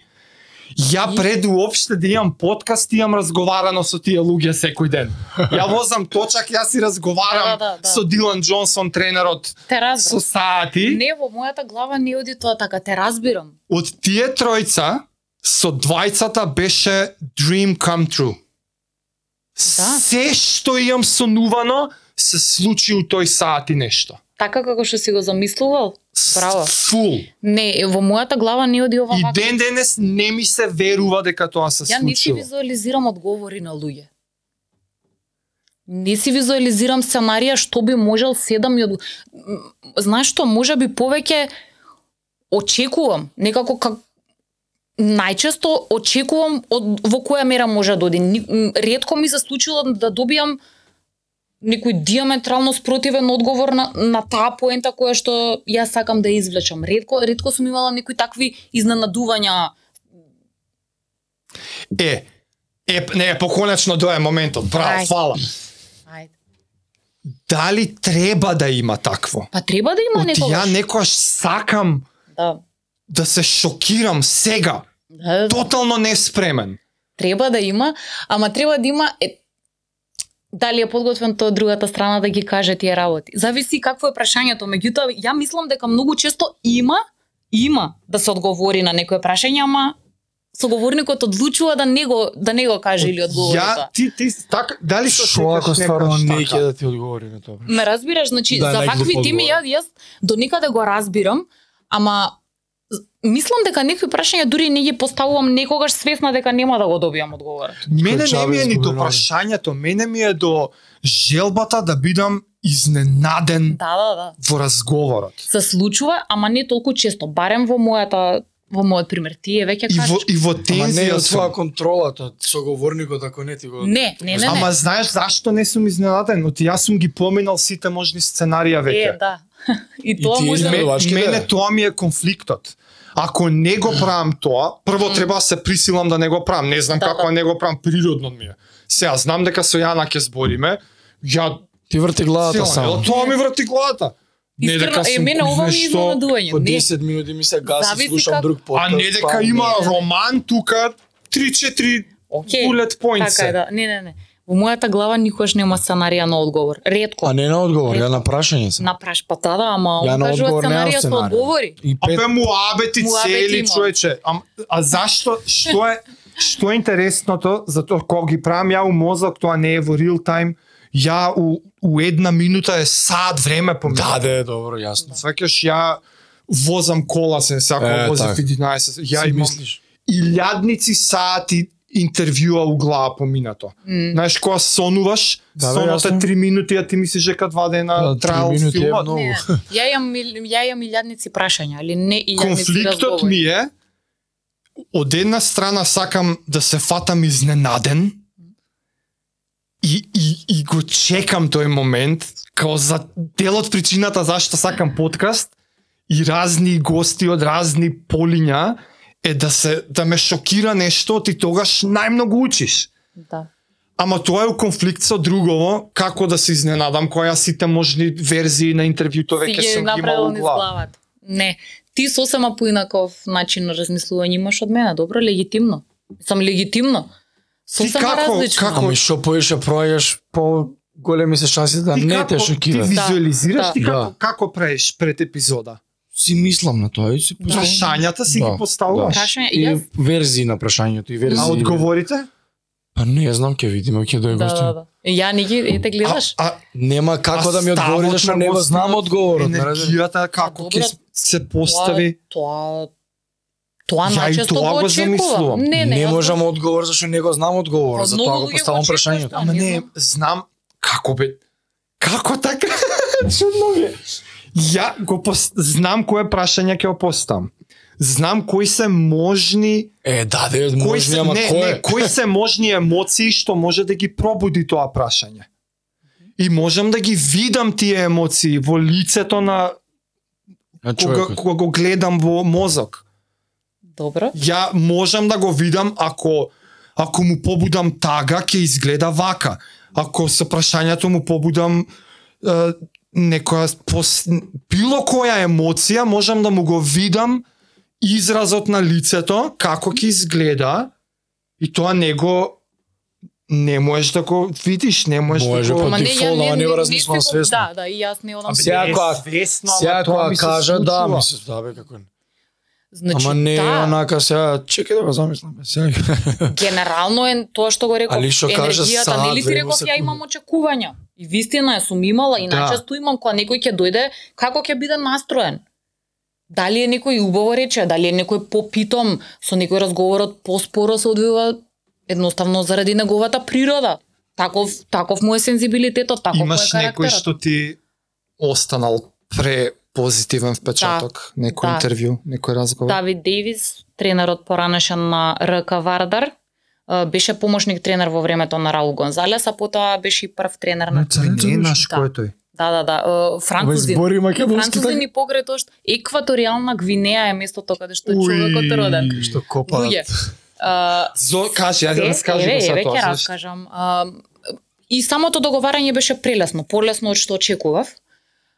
Човекот разговараше на македонски, ги одговори сите прашања со феноменален речник и со забавно беше интервјуто. Не, не, не, содржината на интервјуто беше забавна, затоа што он сакаше се да каже.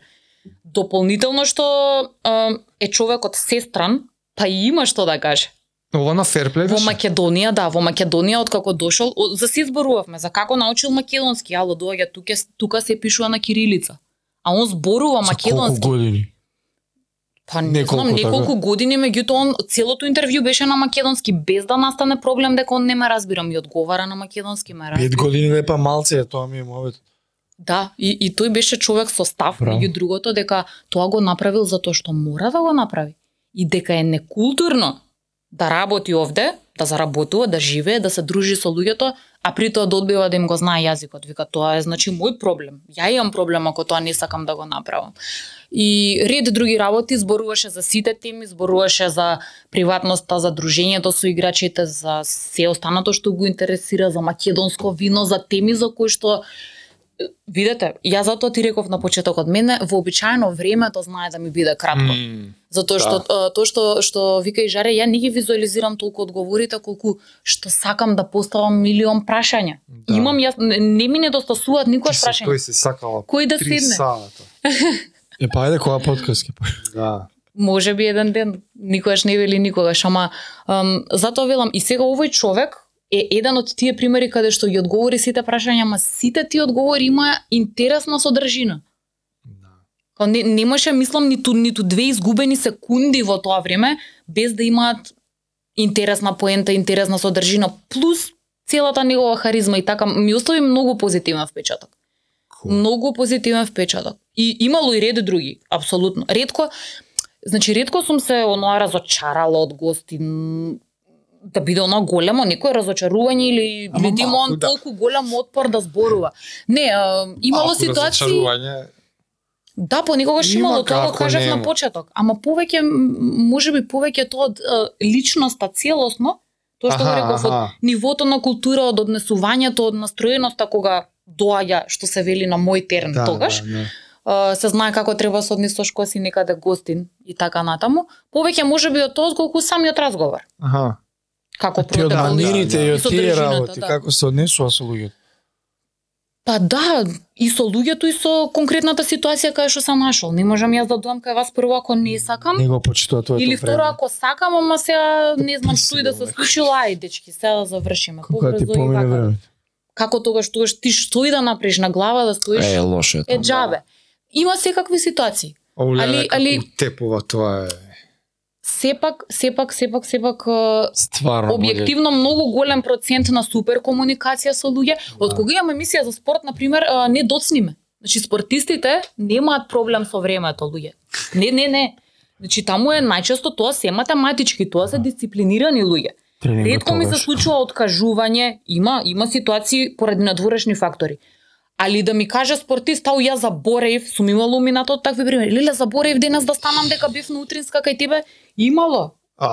Или ало, ја тргнав, ама заглавив у собрах и да знаеш нема да стигнам на време. Значи Сега, глупо е да ги ставам така да, да генерализирам, меѓутоа кај спортистите забележувам таа дисциплина. Го нема тоа. Секогаш се дојде ни пред време, ако нешто се случи на времено ми информираат.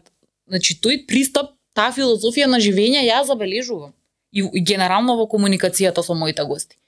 И објективно голем е процентот од нив со кој што имаме супер Да. За разлика со некој артист, музичар или глумец, Абе, што е изгубен у простор. Имаме секакви примери, Кажи ти сега, ај порано не си тренала, сега некоја спу, тренинг Ево, рутина сега имаш ли? најтешко прашање. Па да, не а па знам. са еве. не може на Жарко овој рече- да доеше за тренинг да не збориме. Жарко рече најтешко било да дојдеш до сала, кога ќе влезеш у сала се е лесно, како па да не. Вака, а, моето единствено континуирано и дисциплинирано вежбање беше во работничкиот дора, кикбокс. Суној ми беше тренер, сега гледам и дека се бори. Го сретнав пред некое време, следам што прави, многу ми е мило. Затоа што знам каков жар има за таа работа. А, тоа беше период, па не е тоа многу долг период сега. Нема вие да мислите 5-6 години. Добра си тренирала Тоа кикбокс. Година дена да речеме, ама година дена 4-5 пати неделно тренинг. Добра, ама Е. тоа кога дамна било.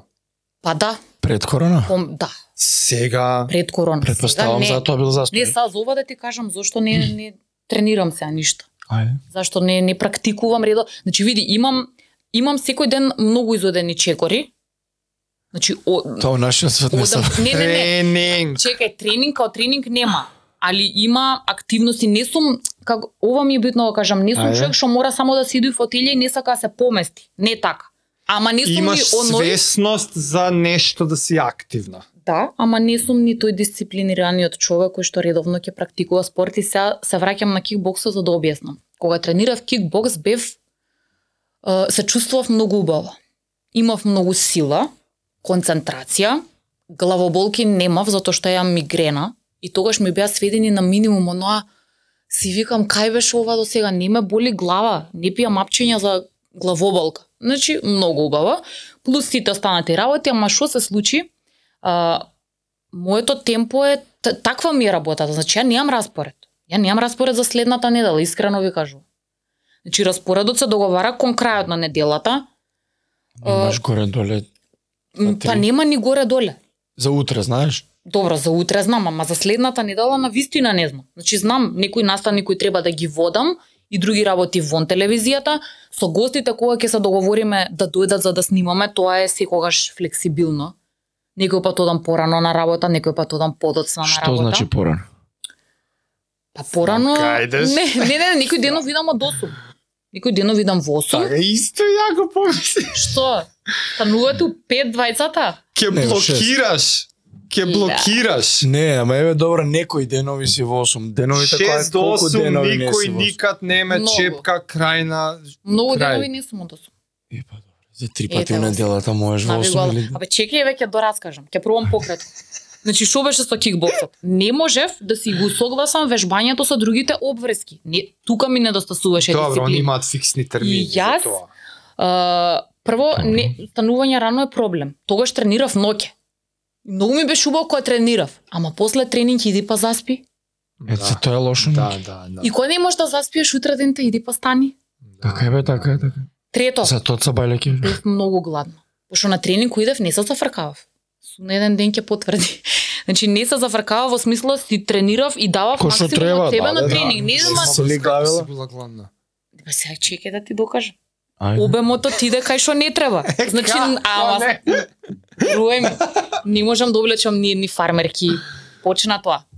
Uh, значи не, не, не ми се допаѓаше ни таа конституција нозете преден мускул како и да се нарекува вака потечен. потечен. Значи се гледам во огледало добивам некоја димензија друга и веројатно и генетски нешто има тука да на вистина лесно тоа се случи. Идам у град и почнаа луѓе ме среќаваат на излегување, е, ја на вежбаш? Шо е лошо? Чекај, не, не, не, ама после ми стана лошо заради тоа што ја качив повеќе од 10 килограми и еден ден одам на тренинг и една девојка повисока од мене, значи друга конституција има и она ми, ми го постави прашањето. Јана, ка- колкавите жени креваш на раце? Леле, ми се сруши светот. Значи ја не сакам, не, јас мојата естетика за женско тело е вретенасто, што не значи да не биде фит. Ама таа форма што тогаш ја добив, искрено не ми се допаѓаше. Да со јадење се Е, манипулира. па со јадење, тоа беше проблем. Тоа беше проблем и тука престанав. типот на вежбање може не ти одговара. Да, може би. Ка, Зашто не, ми одговараше вреќе, на енергијата и на и на чувството што го имав, ама не ми одговараше тоа што го гледам во гледало, да. не. И тука после X време веќе престанав и од тогаш имам разни обиди, вклучително и да станам рано и додам на некаков тренинг, макар пилатес, аеробик, нешто, ама додам. Секој ден, секој втор ден, два пати неделно. Немогуче Таа ми е дисциплина ми Ма недостасува. два пати да ти неделно е премалце. секојдневието А, исполнето со спортски знам. мајндсет Знам. и да И да не импресионира тој тип на луѓе. и да не ја закачиш бубачката. Па тоа е поврзано можеби со со спиењето. Значи видете, јас не сум јас ако не спијам најмалку 8 сата. Најмалку. Најмалку. Супер. Супер. И тука ми настанува проблемот Реално. затоа Роден што атлета си, значи Тоа не е тоа. реалноста на светот. Тоа значи си роден атлета. Значи ќе немаш проблем со Ама за да рекавери. спијам 8 сата, ја не можам томе како вас со 5 да станам. Ме Тука е замисли некој ти каже Јана оправдано ти е 10 сата да спиеш. Па најсрекна ќе бидам. Рајот на земјата. Да. И сега само у избушкај. 10. Ќе легнеш у 8, какво 10 Е, у 8 ќе легне. Се 5 нема да станува на види У се. сигурно 8 ќе ќе стане. легнеш, у Не 6 ќе изводливо е станеш. не, не, не. У 11 изводливо е да легнеш. Да. У 7 да станеш со 8 Седум. сати. До 8, У о, 8 ќе дојдеш на вежба. И со здружени сили сега. 1000 калории. Ќе мора да се да се симнам у сала изгледа, ќе нема бегање. Е, ба ти кај нас има 8, 9 и 10 Може ли вак? 4, 5, 6 и Ајде, 7 ајде да, попла. да се обидеме. Само вечерва Запиши си. Утре са бајле ќе направам 10 чучњеви. Дома до кревет. Ама знаеш ли колку пати? Нема, не, Не. нема, Не, не, колку пати Тука не алармот си бил дебатирам. навиен. тука не дебатирам. Нема клинж. Non-negotiable е за само запиши да. си. Утре са бајле кој ќе станам, не навивај. Слушај убаво условот кој е. Кога и да станам, 10 чучњеви. Толку. Добро, тоа за тренинг се рачуна. Повтори а го тоа Не? Не, не, повтори го тоа неколку дена Тргне возот. Да тргне возот, да. да. Само запиши И го. пиши му на томе да ги си ги направи. Запиши го, стани, направи ги, шкртни го и повтори го тоа неколку дена. Без прекин, без исклучок, кој сака нек ти е и Меси да дое на интервју, извини Меси, Томе ми рече 10 чучњеви Да, има. да. И Фала. добро инаку ме инспирираше за прашање, ова е добро. За прашања во иднина што ќе ги поставам на спортистите. Дали Што? го направиле ова кога им дошле деновите, не можам, ја ќе се откажувам. Кој цела епизода посветивме ние за тоа. Добре, да, да. Еве, јас не сум го прашала некој конкретно на таа тема. Како? Тоа да го прашаш, дали направил ти некој, а не се Не, не, не, што направил? Што направил? Ој. Ама конкретна постапка, зашто Да, сум да. добила одговори од типот да, сум сакал да се откажам, али имало неважно помош, пријатели, тренер, мислења, за да да, да, се да, откажа, да. продолжил да, понатака. да. Ама Милиони дали примери. имало вакви конкретни. Добро, сигурно има. Јас сигурна сум дека има, ама сакам да слушнам што е тоа. Тие се нормални, мислам, заврзлами у глава што се дешават на каде? Па ја и ти изгледа, нас ни е нормално. Ама не надминувањето, да? Надминувањето. Види, друго е, сакам да кажам, ќе помине буратот. друго е се ја да зборам на, на, на темава, нели? Како не сум го надминала тоа, или друго е, не знам, лупа. Знаеш како си викам? Богославески што е шампион, да ти, да ти објасни у една или две реченици како. Е, не може он у две речени, зашто Е, па. неговиот пат е брутален и е еден од... Го дадов за пример. Јасно. Да, јасно. Тоа е па многу е друга Радикално е. Многу е тешко Да. неговото, е многу тешко, многу. Тоа не може никој да го свати, не па ние. Али збориме за луѓе, ќе се откажам, нема, ќе имам клуб, ќе немам. На брат ти ситуацијата. Он сега има добро, али, на пример, типови на играчи што имаат една година, две години, сега не знам колку имаат, он игри репрезентација, сигурно тој проблем го нема. Ама сум да, тренирал фудбалери доста, што имале година за година. Неизвестност, да. И ни секој Мора да лето што е форма. популарна чекалица истото Да. е. Има ли нешто популарна чекалица и мене ми се пратува цевата, разбираш? Па да. Најболи причари. Е, сега е, Да. Рики, да. Не, тоа е хаос, ама до фудбалерот е, до спортистот е, дали Да, е спремен и да каже ова е бура, и сега сме у средината и е тешко и ќе помине. И сега што можам ја у моја контрола, направам да тренирам. И јас стално му викав на Рики, остани спремен. Ready, stay ready. Ама не ме интересира. Дојди на тренинг, вежбај, дигај, бе, и правиш. И дое прилика, ти беше спремен и ето го ти. Ете ти конкретен одговор. Ти е баш за репрезентација, Да, да. репрезентација сениор. Сега играше со Англија. Да, играше против А Англија. про е во во Унгарија. Во Маđарска. Прва унгарска лига, да. Тоа од скоро е Не, ова му е втора, а, помлад, трета кафе, сезона, извини. Кај играше он во Македонија? Вардар. Ма млад играч он, така? Колку А, години? Беше, беше во Сега има 24. Е па млад добро. А, во Вардар беше Затоа не го во знам. младинци и краток период тогаш така и се случува нештата во клубот кога првотимците полека заминуваа, па младинците ги заменија во ги презема сениорските обврски во прва македонска фудбалска лига. И така Супер излегол, браво на време. Брат ти е професионален спортист и ти не Репрезента, тренираш. репрезентативец Ма, 0 него- 1 него 1 беше, ще игра со Англија. Едно време страв со мене, на пример. Пример еве има има примери. Одиме на Кеј. Јас сум подготвена дека ја ќе трчам. Значи јас сум имала моменти на инспирација, само нема нема константност. Добра. И он ми вика, добра е, добро, дојди со мене на Кеј, ја не знам што ќе правиме, вика, ја ќе идам три пати на вака натака, ти до пола Кругови пата, ма околу дојди, ајде, добро, дојди. И одам со него и он, а него не му е удобно. Можеш ле да не се срушиш сега по патов дека, добро ти е, да застанеме вода да пиеш. И Јас сваќам дека јас му го отежнувам тренингот. Човекот не може да трча како? Не е изводливо, така што да чудно е. Чудно Еве сега ќе ти кажам како. Сега ќе бев беше. кај него на гости и ја гледав таа рутина.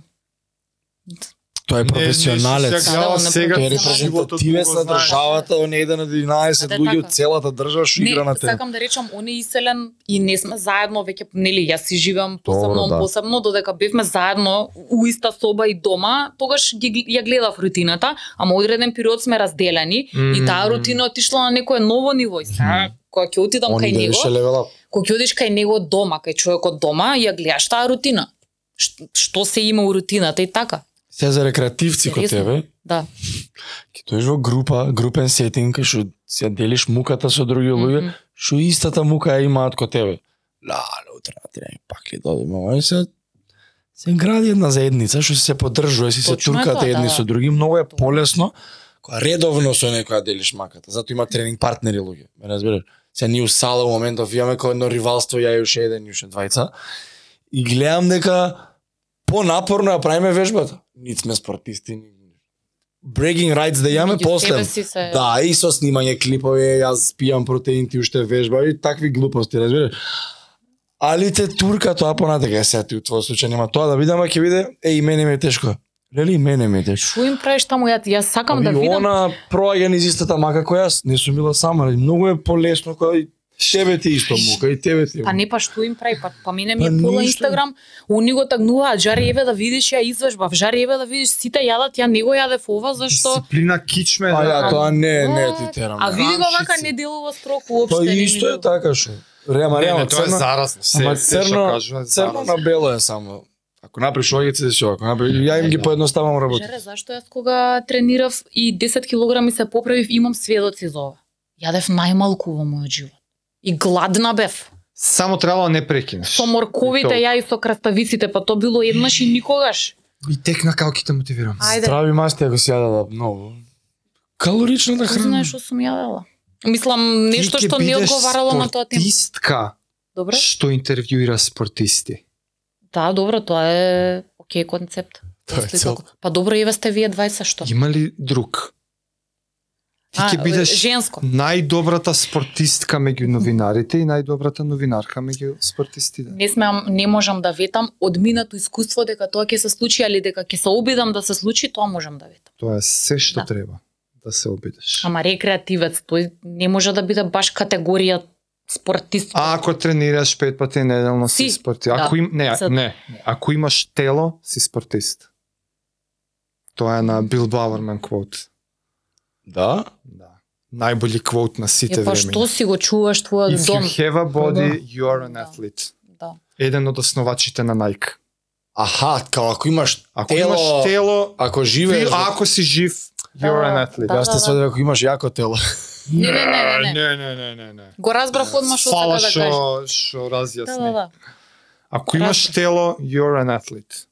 Само најди си го. Јана, фала ти премногу. Премногу ми исполни неколку така области што многу ме интересирале и фала ти многу стварно. Фала многу и на вас и мене ми беше интересно реално да слушнаме вака и во твојата глава што се случува. Не сум размислувала никогаш конкретно на тој начин, ама ет и не ни треба најпосле. Или треба секој да си има Така да, така ќе да, биде да. поинтересно кога секој различно пристапува на. На една иста работа. Супер сте. од мене поддршка, а и, и не само поддршка, јас признавам, кажувам јавно од вашите подкасти учам, така да ќе продолжам да учам. Само што да почнам да да тренирам. Тоа е биде целта. да, да, completed. Ќе пробаме да те убедим. Е, и мора заедно, ова сакав да ви кажам, дајте, мора заедно да одиме некојаш и на надпревар. Не само да зборуваме за спорт, човече, заедно на трибина, тоа ќе биде добро. Тие коментари да ги слушам таму, Ајде. што имате да Тио. кажете. Знаеш, термините ни се зафатени со треници. Леле, Не, нема да ветирам ушиста, бајле томе на трибина. така да тоа е тоа. Фала ви премногу. Фала ти Фала и и фала ти што имаш емисија што е све спротивно од ова што има нашиот етер и си breath of fresh air у етерот на телевизија. Да, да се надеваме дека ќе си успеам да да си го И работам да, година, и да тоа, инспирираш тоа други да еве first take. Фала ви дечки, се надевам наскоро се гледаме пак. Дел. Да. Чао, Поздрав, чао.